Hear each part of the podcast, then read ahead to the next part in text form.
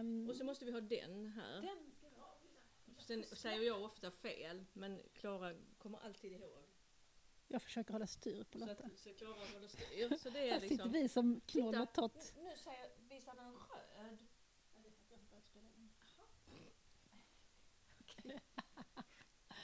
Ja, då sitter vi här eh, i... Eh, Vi måste först ehm, säga att nu kör vi igång. Mm. Mm. Ska vi köra Ja. igång? ja, nu kör vi Vi igång. kör igång. Det är lika bra.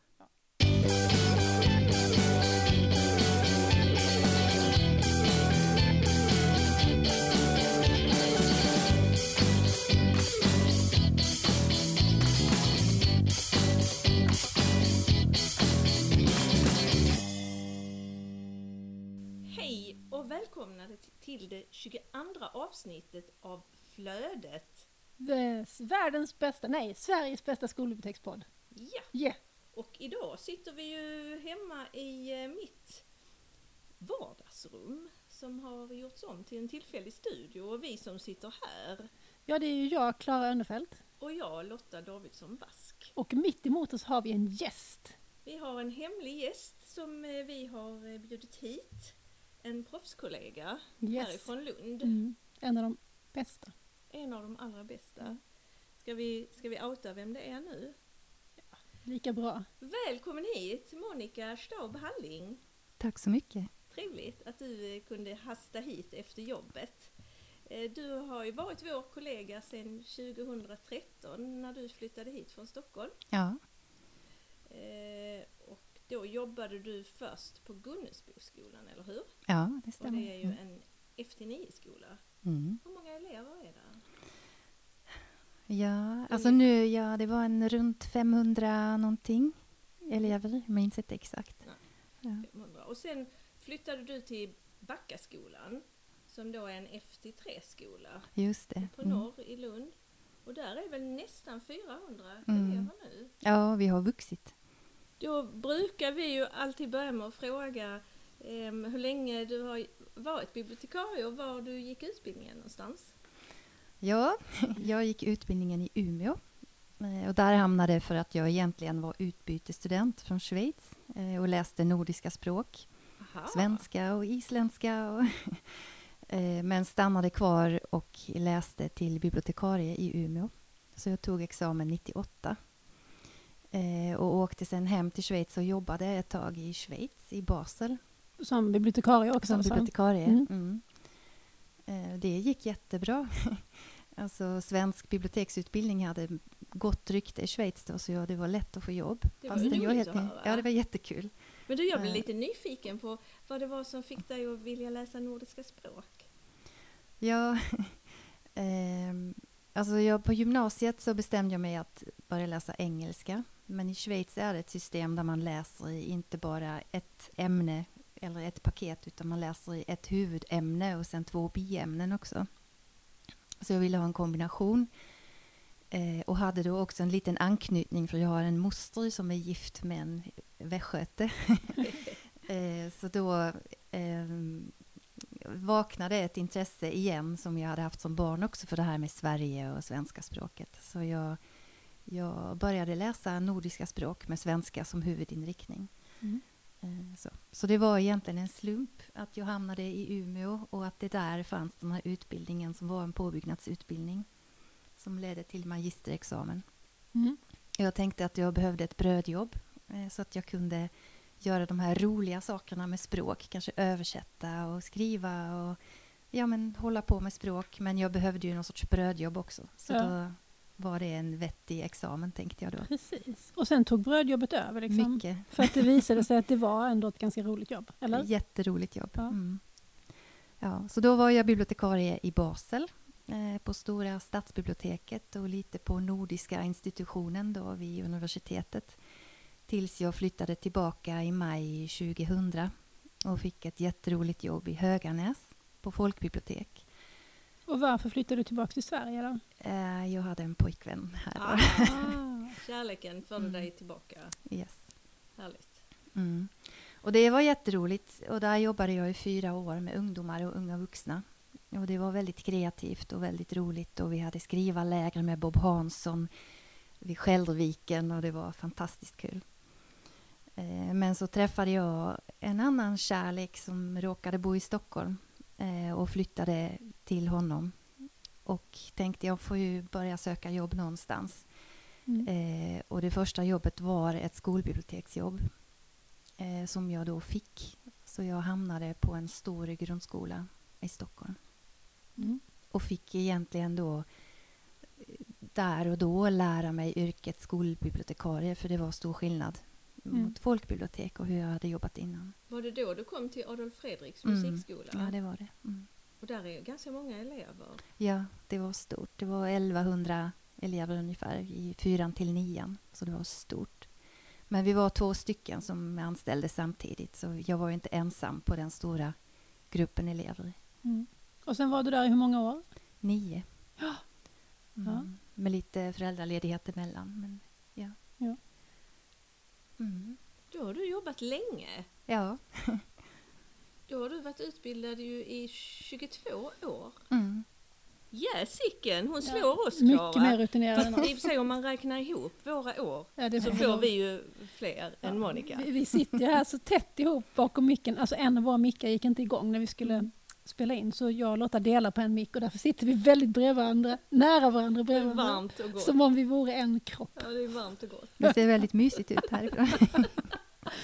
Ja, ja, ja nog om det. Men ehm, eh, nu är du då på Backaskolan Mm. och det tycker jag är extra kul för att Backaskolan är ju min förrförra skola och den, det skolbibliotek som jag har jobbat på längst. Jag var ju 12 år på Backaskolan och när jag skulle sluta där så kändes det ju jättetråkigt att sluta men det blev väldigt mycket roligare när jag lyckades rekrytera dig som min efterträdare. Så berätta lite om Backaskolan, vad det är för skola. Ja, Backaskolan är en skola då med, som är fyrparallellig. Så det är förskoleklass till trean eh, och i varje årskurs går det fyra klasser. Eh, och det är väldigt bra blandning på eleverna där. Så det är en väldigt dynamisk skola med en väldigt schysst stämning. Mm.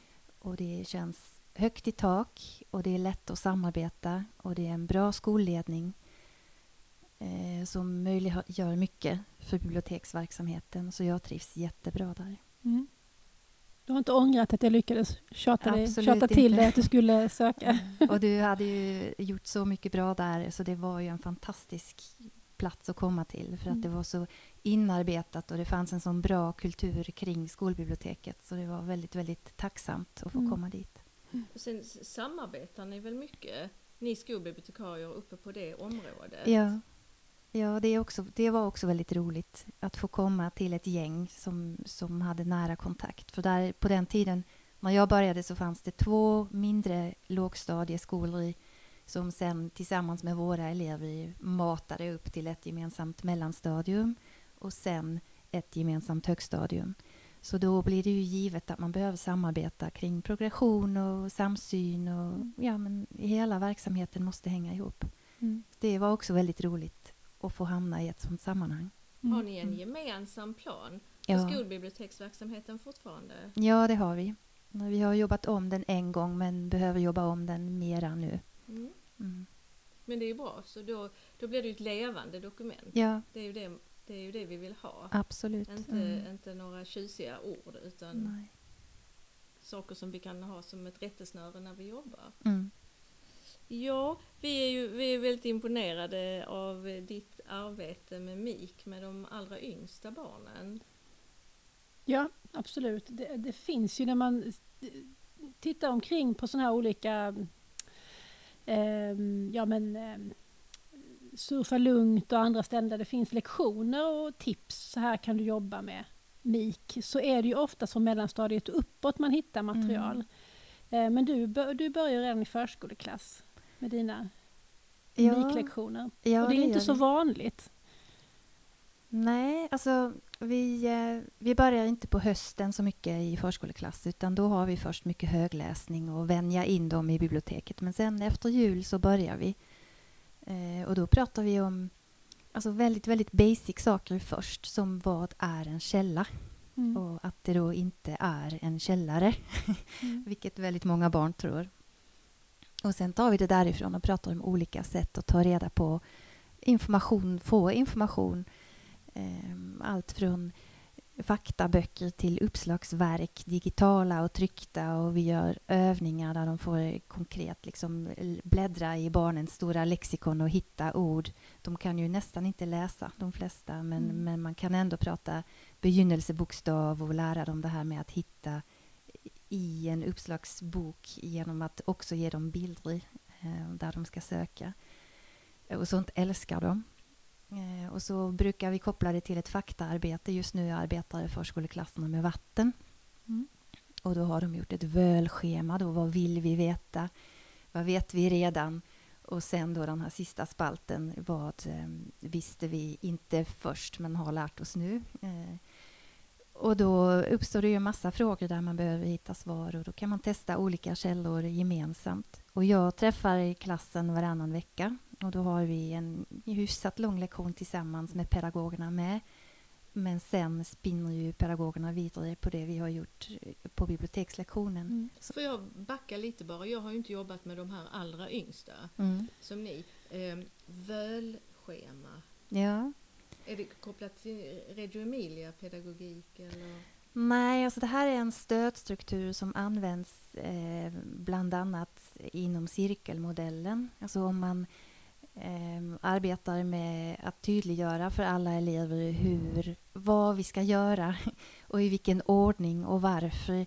Där man försöker eh, också ge visuellt stöd. Alltså var, eh, hur organiserar vi fakta som vi tar reda på Eh, så kan man ha tankekartor.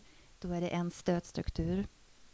Och ett völschema är då en, eh, ja, en stödstruktur som man kanske då sätter upp på väggen med, som en stor tabell fast med bara tre långa kolumner. Och där man då har V är då vet redan. Ö är önskar veta och L är lärt mig eller lärt oss. Så där kan man då från början samla det som eleverna tror att de vet eller vet att de vet. Och sen i mitten är det alla, alla, alla frågorna som de är nyfikna på. Den brukar bli väldigt lång, den spalten. Eh, och sen jobbar man en lång tid och så kan man ju fylla på där i L-spalten. Det, det här har vi nu lärt oss och har vi förstått. Ja, vad bra, tack. Nu fattar jag också. Men eh, visst, visst började du när du började på Backa med att dra igång ett ganska stort arbete kring det här med MIK på Backaskolan? Eller kanske inte var du, det kanske var ett gemensamt? Ja, alltså jag tror att det, det jag kanske förändrade var eh, sättet att organisera bibliotekslektionerna. För tidigare så var det ju så att, att lärarna använde bibliotekslektionen som var varje vecka mm. eh, och skickade eleverna i halvklass till biblioteket. Men där jobbade ju ni också med MIK. Alltså, jo, jo. Eh, jag tror att det jag då hade med mig från Gunnarsboskolan det var att, att jag där, när vi hade MIK-lektioner eller även annat, att jag alltid gjorde det i helklass och väldigt ofta i klassrummet. Vilket ju då gjorde att, att läraren faktiskt var med eh, när, när vi jobbade. Då blev det ju fler barn att förhålla sig till och se till att alla hängde med, vilket är en svårighet. Eh, men fördelen för mig var att lärarna var ju med hela tiden och såg vad vi gjorde. Mm. Och då kunde jag också dra in dem mer i planeringen och, och docka nära dem med vad de höll på med och varför jag gjorde de saker jag gjorde just då mm. ihop med dem. Så det var ändå en vinst. Och då gällde det att, att um, förändra då den här förväntningen att oh, jag får en halvklasstimme mm, i veckan. Mm. Men då eh, var det ganska många nya lärare på skolan och då gick det förvånansvärt bra att lägga fram det liksom som ett, ett, en ny modell att försöka jobba med helklass. Eh, och då gjorde vi så att vi kanske la 60 minuter i så att passet sammanlagt blev lite längre så hann vi ha en halvtimme i klassrummet med något MIK-innehåll men kunde sen också gå till biblioteket och låna böcker. Men träffade du då alla klasser varannan vecka i helklass. Ja. Eh, annars så klarar inte schemat. Alltså Men jag tänker det... ändå det är jättemycket, att ja. du ens hinner det. Liksom. Ja, det är det. Så det, för mig är det väl åtta och en halv klocktimme ja. i veckan. Mm. Mm. Ja. Det är 16 klasser, så Den ena veckan träffar jag åtta och andra veckan träffar jag de andra åtta. Och sen Mm. har jag hunnit med alla och då börjar vi om. Mm. Och det funkar bra. Då ligger de mot varandra. Så man har då ett A och ett B. Då delar de tid. Så ena veckan är jag hos A och andra veckan är jag hos Mm. B. Och fördelen med att ha så eh, många paralleller är ju också att planeringstiden blir ju mindre för du gör ju samma Ja. sak då i fyra klasser. Ja, något sånär. Ja precis, de kan ju jobba med olika innehåll men Ja. liksom ramen är då Mm. detsamma. Ja, så är Mm. det. Men det är ju bra det här. Det är ju en framgångsfaktor att, du, att det började en massa nya lärare på skolan. För då kan man ju säga till dem att så här gör vi alltid på Backaskolan. Och då Ja, får de ju rätta ja. in sig efter det. Fast grejen var, det var liksom inte så svårt. De, eh, även de som hade jobbat där längre var väldigt snabbt med på noterna. Så det var roligt att, att se hur, hur på de var. Eh, och, ja, och då kunde man ha grovplanering i början av hösten och, och lägga de här stora sjoken där vi då kom fram till vad, vad gör ni i, under veckan så att säga och hur kompletterar jag då på bibliotekstiden. Eh, Så det blev väldigt bra ganska fort egentligen. Men styr ni upp detta på augustidagarna innan eleverna kommer? Ja, mycket. Eh, Och sen i januari igen då inför vårterminen också. Mm. Så det är, det är sådana viktiga dagar för mig där jag måste hinna runt alla arbetslagen så att vi hinner planera upp, i alla fall grovplanera. Sen kan jag alltid stämma av med dem igen och det gör jag ju också. Att jag går på arbetslagsmöten och eh, olika planeringar däremellan. För att inte tappa, för det kan ju vara så att man har planerat någonting i början som sen tar längre tid Mm. eller tar en annan riktning. Och då Ja, eller hänger inte alls med. blir av liksom Ja, för att något annat dök upp. Mm. I synnerhet med förskoleklasserna som inte är så där bundna av en väldigt specifik Nej, läroplan så nej. kan det ju vara så att nej men nu märkte vi att med den här klassen så behöver vi jobba jättemycket bara med att vara en grupp. Mm. Så nu blir det inget vattentema i år, Nej, nej. tyvärr. Ja. Liksom. Men Kan vi prata lite grann om den här nätvettsplanen som ni har? Ja. Vi har hittat den eh, på er webb. Att ni har en nätvettsplan eh, för förskoleklass till årskurs 3. Och Mm. den eh, är, verkar väldigt, väldigt bra och genomtänkt. Och det är ganska detaljerat vad ni ska göra. Till exempel här i Mm. förskoleklassen så står det att ni ska samverka med hemmet, att ni ska gå på föräldramöte, eh, ni ska prata om regler hemma och vikten av att arbeta, arbeta tillsammans med hemmet och ni ska prata om ryktespridning och integritet och sen ja, så fortsätter det så. Och så är det en, en progression i den här planen. Men det som jag funderar på först det är ju att jag läste att den här planen gjorde ni under en halvdag. Stämmer Ja. det? Är ni övermänniskor? Eh, ja, alltså det, ehm, nej, det är vi inte.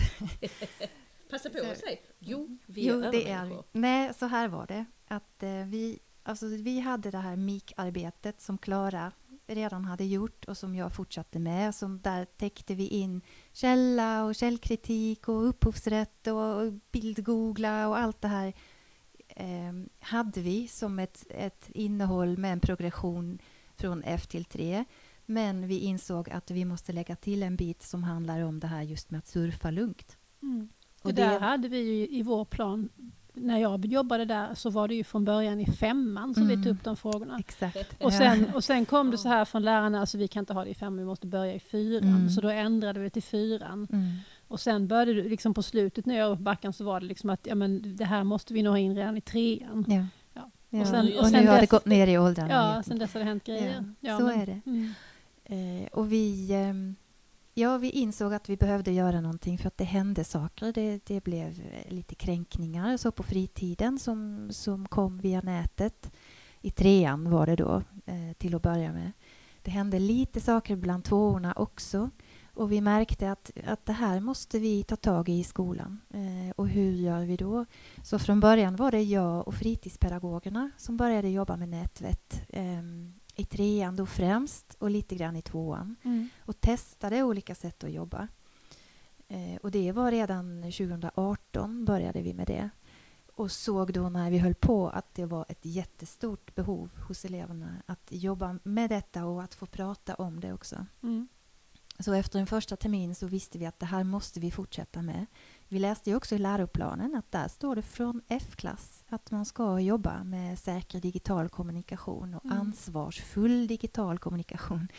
Det, Eh, alltså man ger ju barnen de här digitala verktygen redan Ja. på förskolan. Ju. Yes, Så att, ja. visst, det är självklart att man måste ta upp det redan, redan Mm. då. Ja, vi gjorde en elevenkät eh, där vi såg då att från F-klass och uppåt, vad gör du på nätet? Eh, och där såg man då att användningen av sociala medier, också sådana med åldersgräns på 13, gick brant uppåt från Ja. tvåan till trean.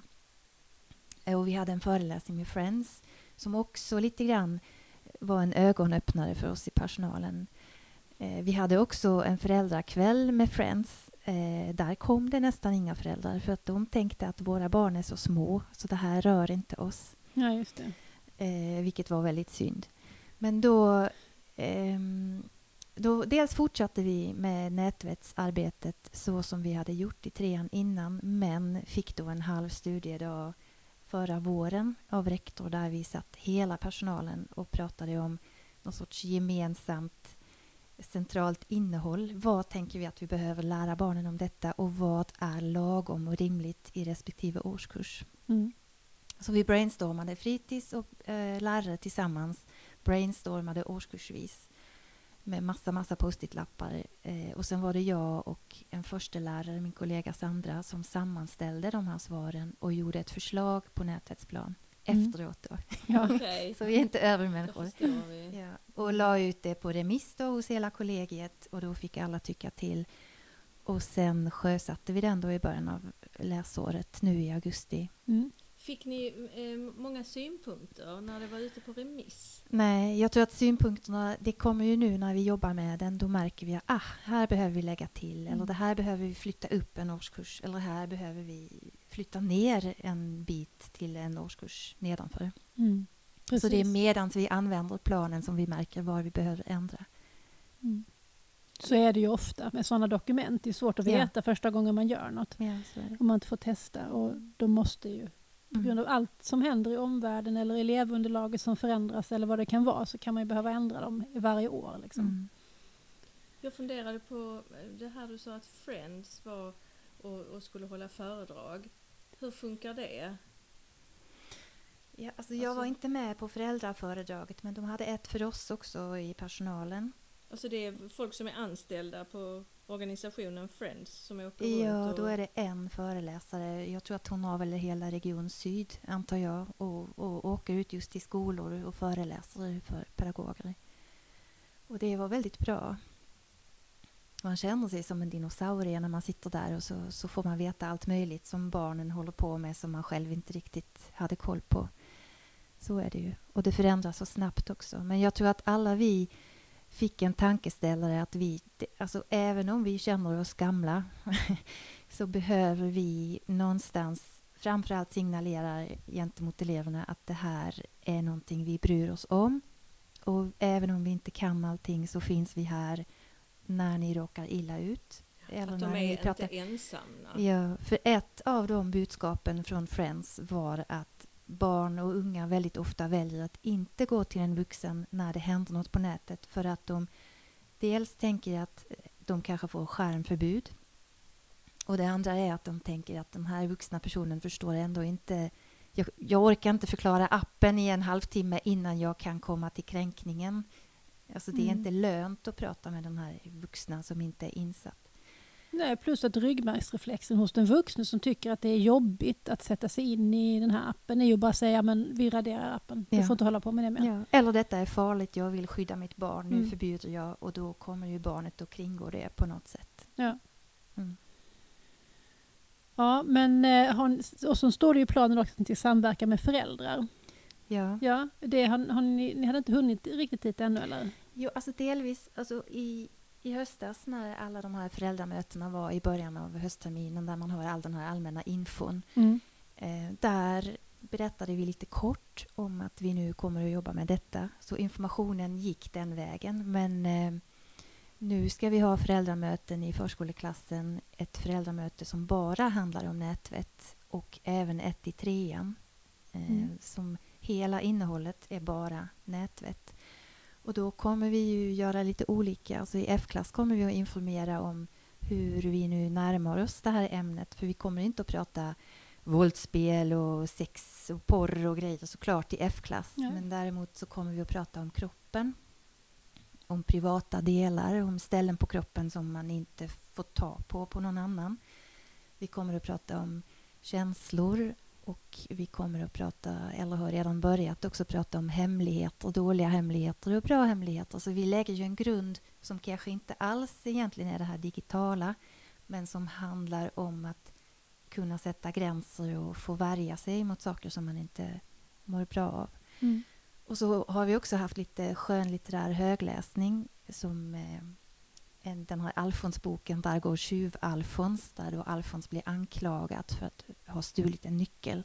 Mm. Och den, hur det känns för Alfons, den boken är väldigt stark. Ehm, så det är också någonting, när jag då läser den tillsammans med alla klasserna i F-klass och har textsamtal kring det och de här känslorna som väcks då, så är ju det sen någonting som vi kan referera tillbaka till när vi pratar om ryktespridning och vi pratar om att peka ut någon som inte ens har gjort det, eh, vilket ju är saker som kan hända på nätet så småningom, Mm. men som är lika jobbiga IRL. Mm. Eh, Så där i F-klassen behöver vi någonstans förklara för föräldrarna varför vi pratar så mycket om stopp min kropp och hur det hänger ihop med att vi vill rusta barnen eh, för när de blir snäppet större. Sen är det också så att vi, det finns ju stora syskon Ja, just det. så våra Mm. våra, några av våra småttingar kan ju då kanske råka komma in på en skärm där någon annan har gjort något eller sett något ganska obehagligt. Mm. Och att också då på det föräldramötet eh, lite grann diskutera med föräldrarna hur kan du reagera när det händer någonting när ditt barn kommer med något. Och just försöka eh, uppmuntra dem till att vara nyfikna och lyssna men inte nödvändigtvis tokförbjuda. Mm. Så där har vi också kuratorn med. Alltså det är jag och kuratorn och pedagogerna i F-klass som håller i det mötet tillsammans.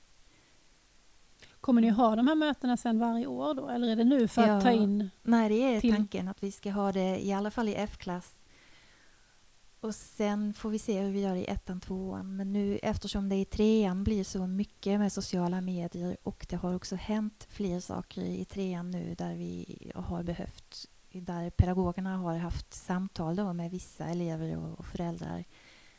Um, Så där vill vi också um, få föräldrarna och vårdnadshavarna att prata med varandra just kring hur har ni det och hur gör ni? Vad har ni för regler? Hur tänker ni? Mm.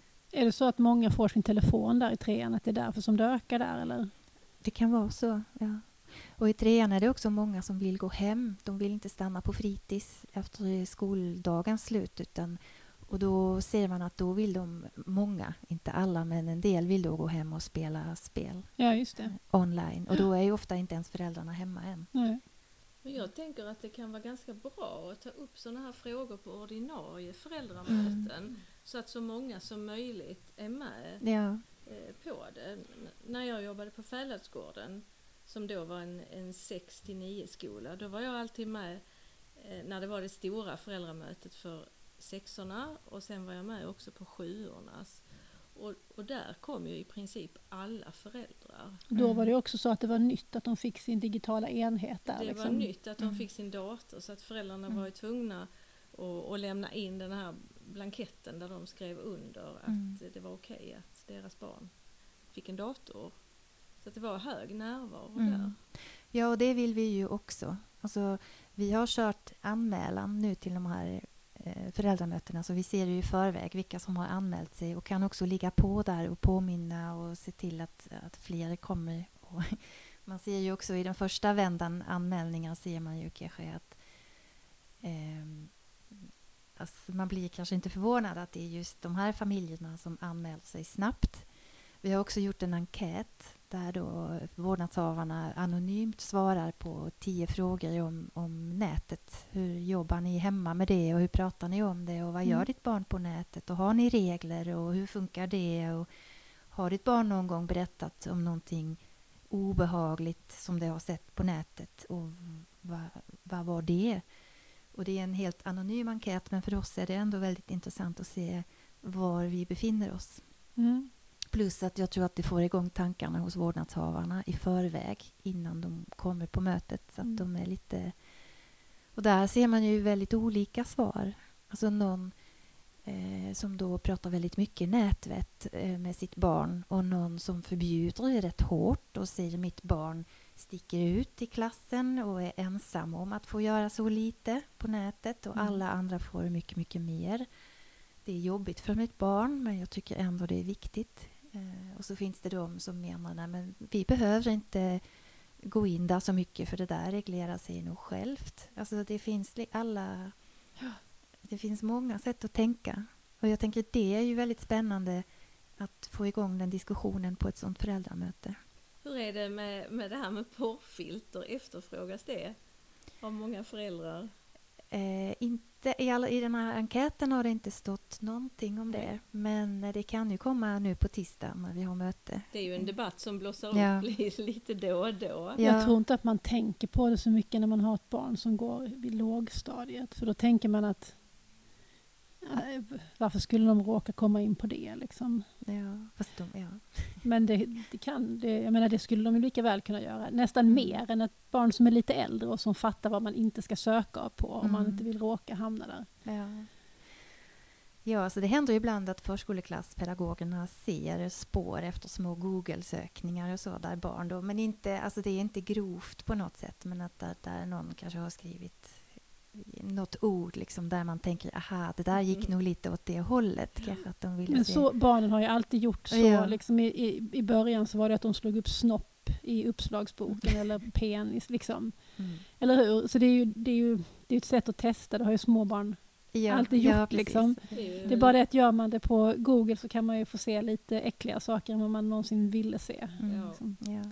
Men det är väl det vi, alltså vi tänker ju också att vi ska lära barnen strategier. Att det, vi vill ju inte väcka några björnar som sover och Nej. få dem att sätta igång med saker som de annars aldrig hade Nej, tänkt. för det är ju också Det lätt ska vi inte. såklart. Men just det här att, att ändå prata om att det finns saker på nätet som inte är för barn. De är skrämmande. Och, man, alltså, och det blir nog lättare att prata med de riktigt små barnen om det. Och vad gör jag då om jag hamnar någonstans där jag blir rädd? Det, jag tänker det blir lättare att prata med de som är sex år gamla än att ta det i trean. Eh, där det då nog blir mycket mer kittlande och där man då snarare vill leta upp en sån sida kanske än när man är liten och faktiskt tror på att ja, men det finns saker som är hemska Ja. som där jag inte ska vara. Ja. Och vi ser ju, vi har också gjort en elevenkät nu igen eh, i januari och då ser man ju att barnen i F-klass har sett lite allt möjligt på nätet. Råkat liksom komma in. Mm. Det svåra var ju att ställa den frågan, för vi ville egentligen fråga efter har du sett sex och våld, men det frågar vi ju inte då. Nej. Utan då försökte vi med omskrivningar, har du sett någonting läskigt eller äckligt någon gång, sa vi då. Mm. Men då kan ju också vissa barn svara ja. Och- Och när då pedagogen som sitter med barnet och iPaden och fyller i de här svaren säger vad var det? Då, ja, men då kanske det var någon som knäckte ett ägg på huvudet. Och det var ju jätteäckligt. Ja, Men det det är är, ju inte det vi menar. Någon som halkar i en hundskit. Jag, jag tänker på hur det var, hur det var förr, eh, när jag var liten. Då... eh, då Det var så då, länge Ja, sedan, det var jag väldigt ska länge sedan. Men jag, det bara, jag tänkte på, eh, på, på nyheterna på TV. Mm. Kunde det vara väldigt skrämmande bilder. Och just när, när man är liten är det ju väldigt skrämmande när barn far illa. Och vi hade någon amerikansk tidskrift hemma där det var bilder från Song My. Mm. den här eh, massakern Mm. i en vietnamesisk by. Och det är, det är ju bilder som jag, jag kommer ihåg fortfarande. Det, för det är ju det, man kan aldrig göra något osett. Nej, det man har man sett har Så man det sett. här är ju, det är ju otroligt viktigt och nu Mm. finns ju de bilderna över, överallt. Mm. Mm. Och, och det, förbudens tid har, har ju varit förbi sedan länge. Ja. Det går inte att förbjuda dem. Det, det, det enda vi kan göra det är ju att, att, att lära dem ett förhållningssätt och Mm. att, att upp, uppmuntra att, att föräldrar pratar med sina barn Ja. och har koll på vad de gör. Mm. Ja, och sen också den här andra biten som kanske är mer med de äldre, alltså då tänker jag tvåan, trean, Mm. men som handlar om när de börjar att interagera med andra. Just ofta är det ju genom spelchattar, att de använder en chattfunktion i ett online-spel. Eh, och det här liksom när du då får olika propåer från någon som du kanske inte riktigt vet vem det är. Alltså vad gör du då? Och där är det också, där vill man inte heller kanske prata om de värsta övergreppen så, men vill ändå någonstans få igång den här känslan för Alltså om någon säger att den vill se bilder på mig i, min nya baddräkt så kanske det är inte riktigt bra till exempel. Nej. Och också lära dem strategier för att, jag menar, de som jobbar medvetet med att dra in barn i sånt här, de tar Mm. det i små steg. Liksom. Ja. Och sen känner ju barnen ofta att nu har jag gjort detta Mm. och då kan jag inte säga stopp för då, då har jag redan gjort det. Liksom, Ja. och nu, då måste jag fortsätta. Men eh, så då kan det vara väldigt viktigt att lära dem strategier för hur man kan avbryta en sån Mm. grej. Att Ja. det, faktiskt, det faktiskt är förbjudet att till exempel sprida bilder på mig som Mm. den här personen hotar mig att göra eller så. Att man kan säga... Det handlar ju om det där med stopp min kropp såklart. Ja.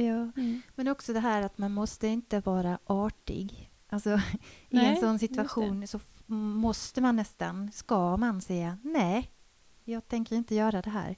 Fastän jag förstår att den här personen kanske är äldre än jag själv och jag ser upp till den personen för att den kanske har varit väldigt snäll och förstående och så vidare. Eller duktig i spelet. Eller Ja, vad det nu kan eller vad det nu liksom. är. Liksom. Mm. Men, men just det här att försöka lära dem lite små varningsklockor ändå. Att, att prata om det och att vad gör du då? Mm. Ge dem lite strategier. Nu har vi pratat jättemycket om ert nätvettsarbete. Hur tänker du att nätvettsarbetet och mikarbetet jackar in i vartannat? Alltså det tänker jag, det gör de helt och hållet. Ehm, det handlar ju om det här med ehm, till exempel är det ju också en del av nätvett, tänker jag, att inte sprida vad som helst. Mm.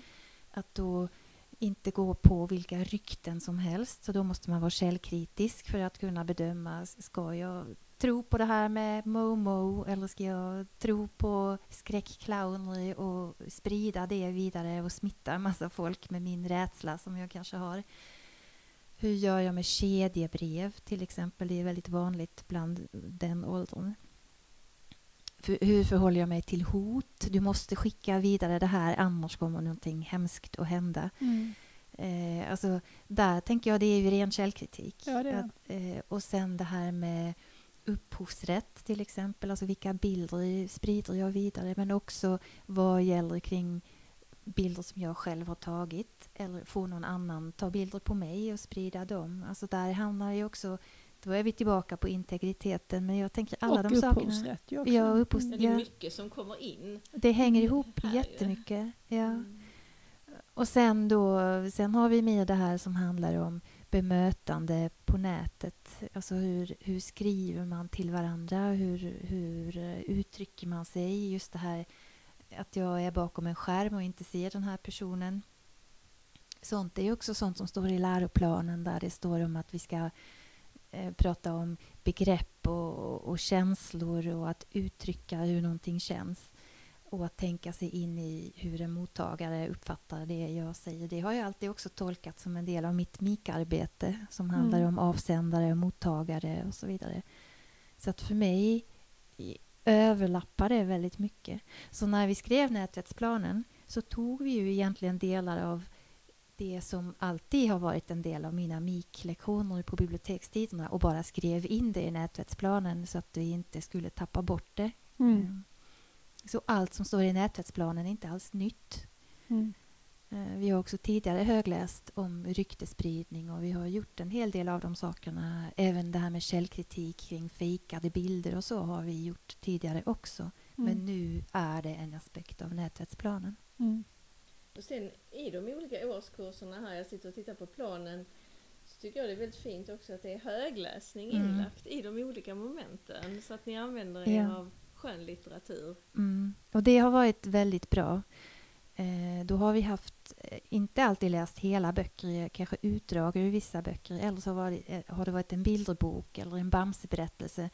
Men där vi då har använt den som en ingång för att få igång empatin och samtalet. Alltså att man då har läst och haft textsamtal, alltså stannat upp i texten och ställt frågor som då inte var ja och nej-frågor utan mer tänka sig in i den här personen och varför reagerar den så och hur kan det ha känts och så. För att jag tänker att man behöver väcka empatin hos barnen för en person som blir utsatt eller en person som själv börjar kränka andra. Hur, vad, vad kan ligga bakom det? Mm. Och där har vi då också kunnat fördjupa det eh, delvis på fritids. Alltså att, att vissa fritidspedagoger då har haft läsning med nätverkstema i kanske halvklassgrupper eh, storleksmässigt för att ytterligare eh, underlätta samtalet. Där vi då har eh, sett att de har varit väldigt delaktiga och velat berätta mycket Mm. barnen. Så det är, skönlitteraturen för mig är väl ett sätt att, att få igång ett samtal som inte heller behöver komma så nära barnet. Då kan man alltid prata om den här personen i boken om man inte själv vill Mm. berätta om sig själv. Och barnen kan väldigt lätt välja hur mycket de själv vill liksom, eh, ta in sig själva i det. Liksom. Ja, Och man kommer också snabbt in på djupa frågor när Mm. man använder sig av litteratur. Jag Ja. tänker att det här arbetssättet det, det skulle funka för de äldre eleverna också. Ja, Ja. det är klart. Mm. Absolut. Jag fick lite att tänka på. Tack för det. Sen kom jag, jag kom på en grej att när vi presenterade dig så missade vi att säga att du också är författare. För du har skrivit boken Koll på nätet som kom för ungefär ett år sedan Just på. Nykons förlag. Som, eh, som är en genomgång av hur det funkar på nätet och den är ju skriven för barnen. Mm. Alltså att de ska kunna läsa. Mm. Och där skriver du också om Momo till exempel. Just det. Ja. Jag Och ville, andra. ja, ja. Andra skräckgrejer Mm. och saker man kan råka ut för.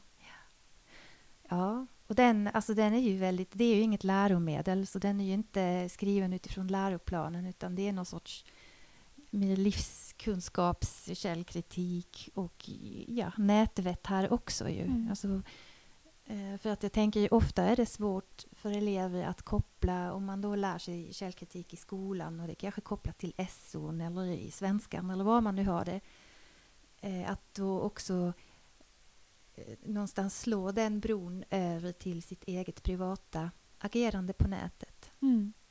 Alltså bara för att vi har tränat på källkritik i SO betyder kanske inte att jag sen är bra på källkritik när det gäller min egen, det jag hör och sprider vidare. Nej, det gör det ju inte. Det, det, det finns ju undersökningar som visar det. Att det, det gör det inte. Man, Nej. man kopplar inte mellan ämnena så lätt.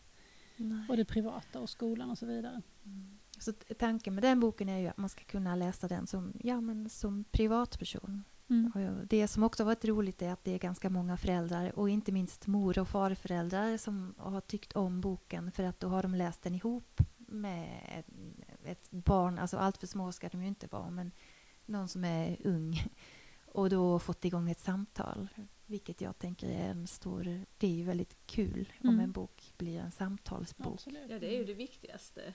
Mm. Så att vi kan prata med barnen om, om Ja. de här sakerna på ett bra sätt. Mm. Inte skrämmas, men, men ändå ta det på allvar och ta barnen och deras upplevelser på allvar. Mm.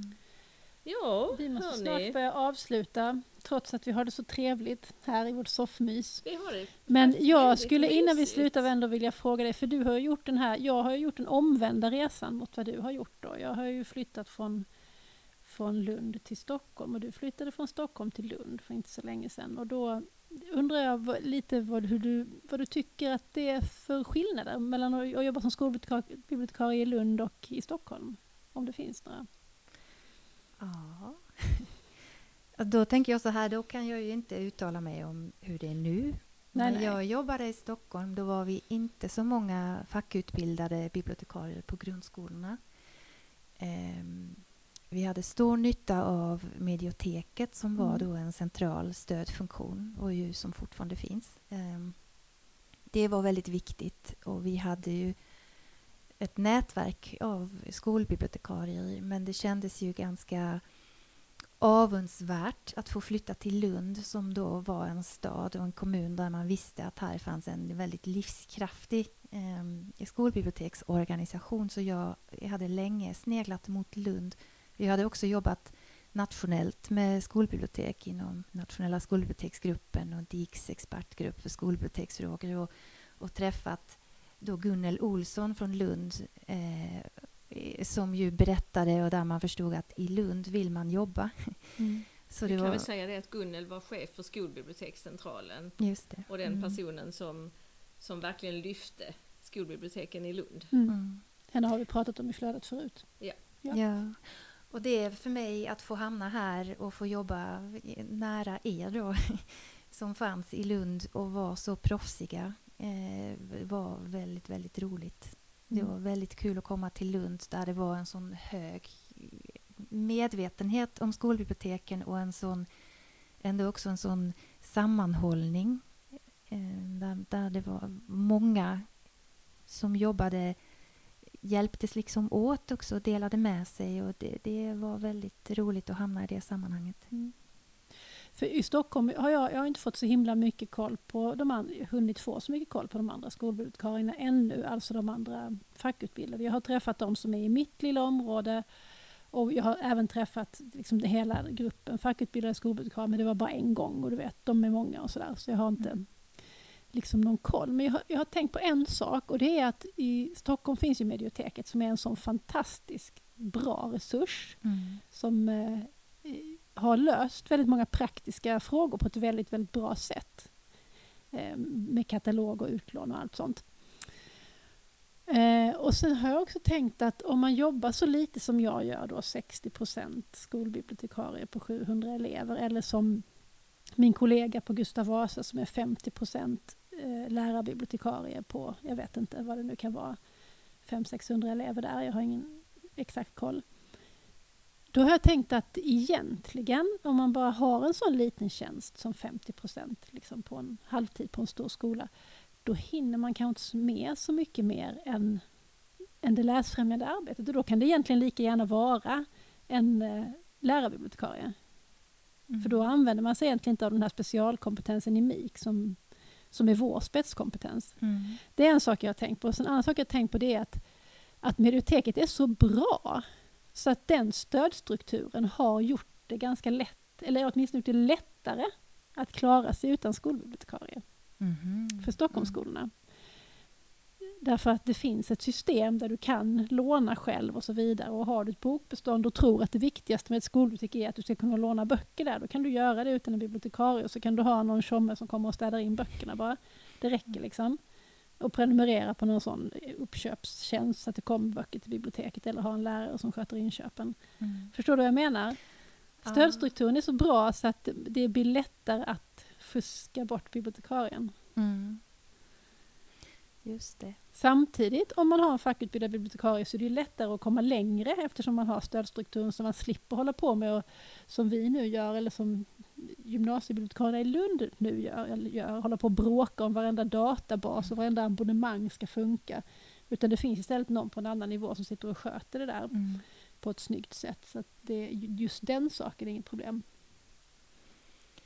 Mm. Jag tänker lite på den här stora, stora undersökningen som man har gjort nu bland lärare. Jag tror att det är väldigt många kommuner som heter LIKA. Ja, just det. Där man då, ja, och där man då har ställt massa frågor. Jag har själv också svarat på den. För hos oss gjorde också alla pedagoger den på skolan. Mm. Och jag var med, så jag gjorde väl också den då. Men då, då var det massa frågor. Hur använder du ditten och datten och alla möjliga IKT-frågor. Men så var det ju den här frågan eh, jag samarbetar, jag samarbetar med skolbibliotekarien kring eh, vad det nu var, källkritik och MIK och så vidare. Mm. Och så var det stämmer inte alls, stämmer delvis, stämmer nästan, stämmer helt. Mm. Eh, och där tänker jag att om man då tittar på skolor som tänker så, att det mesta handlar bara om, om eh, att tillhandahålla böcker och, och, allt det här, liksom, då, där borde ju det bli väldigt dåliga resultat mm. på den enkätfrågan. det blev det ju också och, i, mm. och också i Lund var det också jättedåliga resultat på mm. den, om man tittar bara på Lund. Ja, alltså den enkäten, jag har bara sett en sammanställning av en sammanställning mm. där det då var alltså en, som en röst eller ett svar per skola. Ja, den och då kan jag inte riktigt se hur det kokades ner till om det då är 50 i personalen på en skola som svarar kanske lite olika. Hur blev det då för hela skolan? En röst på stämmer nästan inte alls. Det har jag inte helt greppat. Nej, det var ett och så blir man ju jättenervös och tänker vad har mina egna kollegor skrivit där? Men riks, riksgenomsnittet på frågan jag samarbetar med skolbibliotekarien i arbetet med källkritik och informationssökning i såväl planering som genomförande. 7% säger att det stämmer helt. Mm. 6% säger att det stämmer nästan och 12% att det stämmer delvis. Men 42% säger att det stämmer inte. Nej. Och det är ju det är väldigt, eh, väldigt nedslående och 33% säger ej tillämpbar. Ja, det är också jätteintressant. det är liksom ett, jo, men det kan ju vara till exempel om du faktiskt inte har ja. en skolbibliotekarie ja, att samarbeta ja. med, det, för det har ju hälften av skolorna inte. Mm. Så egentligen är det konstigt att det inte är, det skulle varit hälften då. Mm.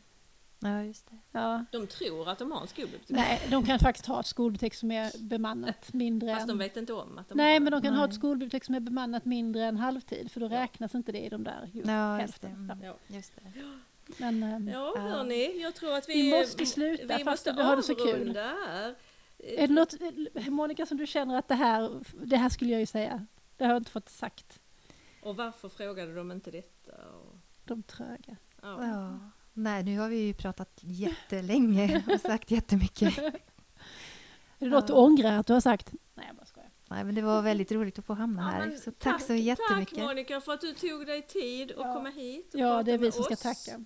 Tack för att ni bjöd in mig. Och du ska ju få en eh, flödet-mugg.